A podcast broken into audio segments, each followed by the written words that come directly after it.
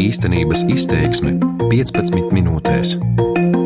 Tāds stāsts dzīves devos pie psihologa ar Gabrielu. Un psihologs paskatījās un teica, zini, māmu, psihologu tev vajag. Tāpēc es jau principā biju uz tādas sabrukšanas robežas, jo tas bija tiešām smags periods. Tik skaudri savu atgriešanos Latvijā kopā ar bērniem pēc īrijā pavadītajiem septiņiem gadiem atceras Līga.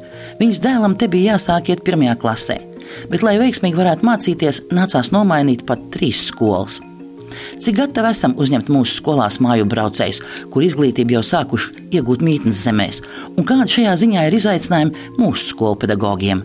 Ieskatām daži no viedokļiem. Mūsu skolas vēl nav gatavas uzņemt šos bērnus, skolniekus, jauniešus, kas ir īsāku vai ilgāku laiku pavadījuši ārpus Latvijas. Skolniekiem šī valodas barjerā Tas viņam ļoti traucē. Tas ir numurs viens šīs valodas zināšanas. Otrs, viņam nav šis adaptācijas periods. Tātad, cik smaga šeit, es domāju, pārnestā nozīmē, ir māju braucēju skolas soma. To uzklausot gan atbraucēju, gan pedagoģu, gan arī amatpersonu viedokļus, skaidrojas Gunta Matisone septiņi gadi, nu, teiksim, tā, pēdējais pusgads priekš manis īrijā bija ļoti smags. Katru dienu jau vairāk bija domas par to, ka gribu mājās, gribu mājās. Viss. Pēc septiņiem īrijā pavadītajiem gadiem, kaut arī tur bija savs biznesa, Līga Reņģa kopā ar bērniem tomēr nolēma atgriezties Latvijā. Šis lēmums bija saistīts gan ar to, ka jūtos darbā izdegšanu, gan tomēr noteicošais ir bijis emocionālais faktors, jo visvairāk ir gribējis būt mājās pie savas ģimenes. Tā apziņa, ka vecāki kļūst vecāki, Un, uh, mēs netikām uz katrām tādām tradicionālām, kas mums ģimenē bija tradīcijas, svinībām. Tīri dēļ tā, ka uh, darbi, darbi citreiz bija tā, ka reizi gadā tikai atbrauc, un ar to ir pamāzi. Atgriežoties Latvijā, Līgas meitiņai ir nepilni divi gadi, un viņai problēmas tiešties nav bijušas. Gabrielam tolaik ir pieci gadi, un sākās viņa gaitas bērnu dārzā. Nepatika. Mans prāts negrib atcerēties. Sarunā Gabriels atklāti pasaka, ka negrib to laiku vairs atcerēties, jo pārāk liela bijusi atšķirība no īrijā pieredzētā. Pilnīgi cita sabiedrība. Īrijā par eh, naudzinātais eh, bija daudz eh, atsaucīgāks nekā šeit. Meitiņa vēl negāja dārziņā tur. Viņai pilnīgi atkrita tā visa īrijas dārziņa būšana, bet puikam viņam bija smagi. Jo īrijā viss ir ļoti tā pret bērniem izturās ļoti uzmanīgi. Tas ir, kad nedrīkst aizskart ne ar vārdu, ne ar nekā. Tas ir bērns, bērns ir gandrīz dieva vietā. Nu, tur viņi tika tā audzināti. Un tad, kad atgriezāmies šeit, protams, bērni saskārās ar to, ka ir ļoti tāda skarba attieksme tieši no bērnu puses, no audzinātāja puses. Un uh, puikam bija ļoti, ļoti liels stress. Viegls kā stāsta Līga dēlam nav bijis arī skolas gaitas sākums. Gabrielam bija problēmas ar burbuļu izrunāšanu, sakarā ar to, ka viņš jau bija vairāk tajā angļu valodā iekšā. Un r, kā tādu viņš vienkārši nemācīja locīt. Un, uh, sākās dārziņā, pēc tam, protams, skolā viņš tika apsmiets par to. Kad vai tu ne, pasaki, pasaki, pasaki savu vārdu. Un tad viņš centās to burti iemācīties, tur katru vakaru trenēja, trenēja. Izsmiešana beidzās tajā brīdī, kad viņš iemācījās to burtu. Viņam tā mācību daļa, kas ir matemātika un gramatika latviešu valodā, to viņš ļoti ātri apguva. Vairāk ir tas emocionālais. Nomainīts trīs skolas, tagad Gabriels mācās privātā mācību iestādē, un arī šo problēmu jau vairs nav. Līgas secinājums - atgriežoties Latvijā, veiksmīgi integrēties traucē gan atšķirīgā pieeja mācību procesam, gan arī attieksme. Mana māsa pagājušajā gadā mēģināja atgriezties. Viņai ir meitiņai 11 gadi. Arī skarbā attieksme. Tad, kad audzinātājs nepacietība bija tā, kas bērnu aizdzina principā atpakaļ uz īriju. Nu, viņi tā nav raduši. Un viņi aizbrauca atpakaļ, jo viņi nevarēja dēļ bērniem. Mani sauc Enrico Renārs Neilands. Atgriezos no īrijas. Es sāku iet skolā 8. klasē. Ietos ļoti labi. Enrico stāstam pozitīvo pamatu dod tas, ka tā bija atgriešanās savā skolā, kur jau bija pirmajā klasē iegūtie draugi. Draugi man pieņēma ļoti ātri. 1. septembrī 8. klasē es iegāju vakarā Facebook, un man bija daži klases biedri jau uzrakstījuši. Tie, kas bija man pirmajā klasē. Un Tas bija tā ļoti forši, silti. Taču sākumā ne tik viegli nācās iekļauties mācību procesā, un, lai tiktu līdz pārējiem, bija vajadzīgs diezgan liels gribas spēks un arī motivācija. Mācībām bija tā pagrūti, gāju pie privātas skolotājas. Es to darīju savā brīvdienās, brīvajā laikā, un tiešām ļoti centos lasīt grāmatas. Bet tagad ir labi. Kas bija tas grūtākais, varbūt tieši mācību ziņā? Pierast pie tā, kā šeit māca, teiksim, latviešu valodu bija tā grūtāk, un ķīmija vairāk, jo ķīmija īrijā bija vairāk tāda visu kopā, tāda bioloģija, ķīmija un fizika, bet te ir viss atsevišķi. Valmieras viestura vidusskolā, kur mācās arī Enrico, ir pieci skolnieki, kuri ir atgriezušies Latvijā. Skolotāja un klases audzinātāja Laima Drandi stāsta, ka visgrūtāk šī iejušanās mācību procesā ir tiem audzēkņiem, kuri jau ir gājuši skolā savā mītnes zemē. Un vislielākās problēmas sagādā latviešu valoda un Latvijas vēsture. 9. klasē atgriezās puisis, kas faktiski visu savu bērnību un līdz 15 gadu vecumam bija dzīvojis īrijā. Latviešu valoda sarunu līmenī viss kārtībā, bet uh, latviešu valodas raksti un, un, viss, un arī īstenībā vārdu krājums. Valoda ir visa pamata pamats, jo matemātikā ir nepieciešams valodas zināšanas, vēsturē ļoti jo ir pat tādi jēdzieni, ko vienkārši emigranti nesaprot. Nu, tā viņa latviešu valoda ir diezgan vienkārša. Arī Latvijas vēsture, piemēram, ja, viņi jau nav mācījušies. Zēnam jau bija papildus nodarbības dažādas. Latviešu valodā, vēsturē, matemātikā viņš arī ķīmijā gāja papildus apgūt. Latviešu valodai un vēsturei ir paredzētas papildu nodarbības, bet kā vērtē latviešu valodas skolotāja Ineta Lansman, ar to vienreizēm ir par maz. Mums ir tādi gadījumi, kad bērns atbrauc un vispār nav mācījies latviešu skolā un latviešu valodu tikai tik, cik ģimenē. Tad viņam praktiski ir jāsāk viss no sākuma. Ja? Un, ja mēs varam atļauties kādu vienu papildu stundu nedēļā, vienu gadu, tas ir stipri par mazu stipri par maz.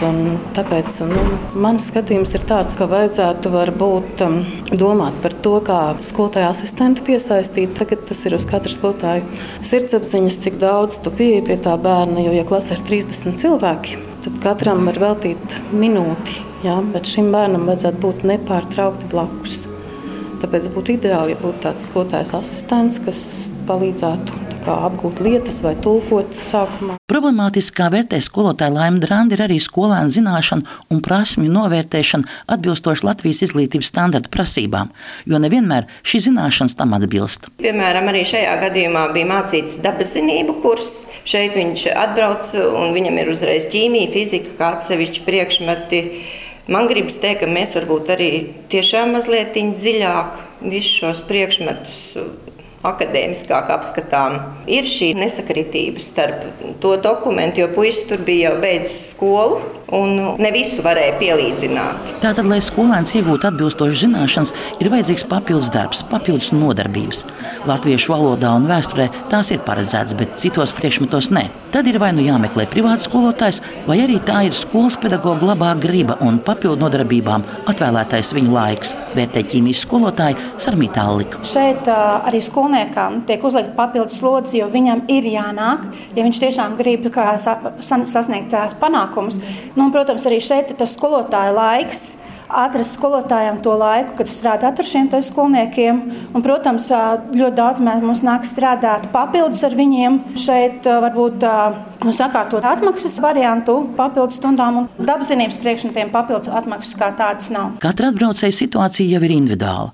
Un līdz ar to skolotājs vērtē, ka šobrīd tas tomēr viņa darbā ir izaicinājums. Kā palīdzēt skolniekiem gan iejusties, gan iekļauties mācību procesā? Materiāli jau arī nekādi nav. Jo, nu, Katrs skolotājs palīdzēja, kā mācīja. Tikai paša griba un skolotāja entuziasms. Tas, ka izglītības jomā māju braucējiem ir daudz problēmu, tika akcentēts arī sanāksmē Cēsīs, kurā izvērtēja šī gada remigrācijas rezultātus. Atslēgas vārds ir latviešu valodas zināšanas. Tas ir pamat, pamats. Latviešu valoda kā galveno jautājumu izglītības jomā akcentē arī vidzemes remigrācijas koordinatora Īga Groza. Taču pieredze strādājot ar māju braucējiem, kuriem ir skolas bērni, liecina arī par daudzām citām problēmu situācijām, ar kurām nākas saskarties. Arī neprasa varbūt izmantot arī tā bērna stiprās puses, jo bērni arī tur, kur ir mācījušies, viņi jau arī kaut ko iemācījušies daudz vairāk, vai, piemēram, tā pati valoda. Vienmēr tas jautājums, mūsējiet aizbrauc uz turieni, kā tur notiek integrācija tajās skolās. Tad tas, ko tur stāsta, ir šim bērnam individuāls asistents, individuāls palīgs, kas viņam palīdz. Gan, gan iepazīties to vidi, gan arī mācīties skaidrot. Tā vienkārši tā adaptācija ir daudz vieglāka.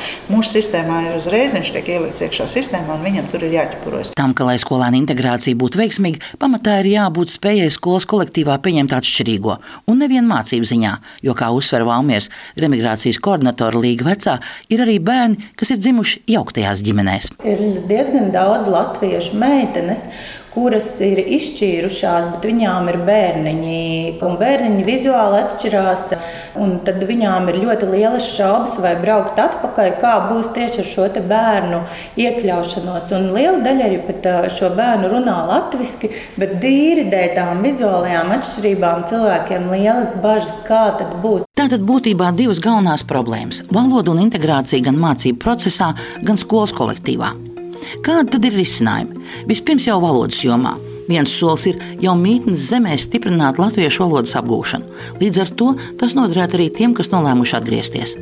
Turpina profesors, projekta skola 2030 eksperts Arvils Šalme. Mēs šobrīd eh, mēģinām saprast, kāds ir tas skolēnu profils, kāds ir tas skolēns, kurš ir tur.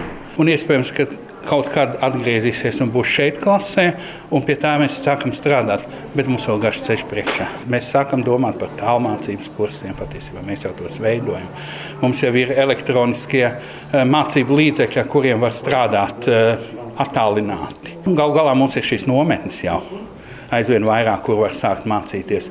Jautājums par to, vai uh, ātri to var izdarīt. Nu, uz tādu brīnumu droši vien ne, mēs nevaram cerēt. Valodu vispār nevar iemācīties ātri. Katrā ziņā pirmkārt jau tam jānāk no paša skolēna, no paša bērna. Skolotāja izglītības jautājums tas ir.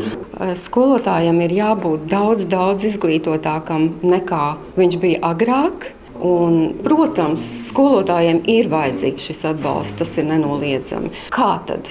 Šos bērnus mācīt. Tā savukārt vērtē Izglītības un zinātnes ministrijas politikas iniciatīvu un attīstības departamenta vecākā eksperta Iveta Grīmberga, kuru pati arī Amerikā ir mācījusi latviešu valodu. Amerikā, piemēram, ir ļoti internacionāls skolas, un tur jau sen nevienam nav nekādu problēmu strādāt internacionālā klasē, kur visi šie dažādie bērni tiek uzskatīti par priekšrocību, nevis par trūkumu. Un kas mums ir jāizmanto mūsu potenciāls ārzemēs. Tur droši vien ir skolotāji ar, piemēram, Lielbritānijas, vai Amerikas vai Austrālijas izglītību, kuri vēlas atgriezties Latvijā un jāaicina viņi strādāt mūsu skolās vai arī vadīt seminārus un kursus. Un par to, ka divritenis mums nebūtu jāizdomā no jauna, bet gan jāpārņem vai jāpielāgo citās valstīs jau iegūtā pieredze, šodien tiks spriests Valmjerā, Pasaules Latviešu ekonomikas un inovāciju fóruma laikā, kad tikās arī diasporas latviešu skolu vadītāji. Piemēram, tikšanās reizē uzklausītā Londonas Latviešu skolas pieredze, kā vērtē izglītības ministra Ilkšu Plinska, ir pat ļoti noderīga arī mūsu skolām. Skolotājs nedrīkst būt spītīgs. Un tajā brīdī, kad viņš ienāk klasē ar sagatavotu stundu, bet redz, ka priekšā ir pilnīgi cita pieredze, interese, vai es nezinu, varbūt garstāvoklis tajā brīdī. Viņam nevis spītīgi jāvada sava stunda, bet jāpārmaina uzreiz metode, jāizvēlas cita tēma. Un otra lieta ir tas, ka viņa motivācija ir saglabāt bērnā šo azartu, atklāt jaunas lietas. Un tas ir tas, kas tīri metodoloģiski bieži vien pietrūkst Latvijas skolā. Tāpēc šeit ir ļoti svarīga šī kompetenci pieeja, kas lūk, no dažādām kultūrām nākušajiem bērniem un varbūt ar citu valodas pamatu nākušajiem bērniem ļaus krietni vieglāk arī iejusties. Bet par sadarbības iespējām, kā varētu likt lietā ārvalstīs strādājušo latviešu skolotāju pieredzi, Pasaules Brīvo Latviešu apvienība, kā stāsta valdes priekšsēde Kristīna Saulītis, ir jau uzsākusi dialogu ar Izglītības un zinātnes ministriju teiksim, ārzemēs ir, lai tu, esi, lai tu būtu skolotājs, skolotāji nemācās tikai priekšmetu vienu. Īpaši multikulturālajās zemēs ļoti, ļoti māca vispār, kā integrēt bērnu, jebkuru bērnu sabiedrībā. Un tas, kas ieskaita bērnu dārzu, tas ieskaita skolu, tas ieskaita augstskolu, kā vispār um, integrēt cilvēkus vidē. Mēs, kā PBLā, ar Izglītības ministriju ļoti cieši sadarbojamies, un mēs par šo esam kādu laiku runājuši. Tagad mēs ķeramies pie darbiem. Mēs sākam strādāt.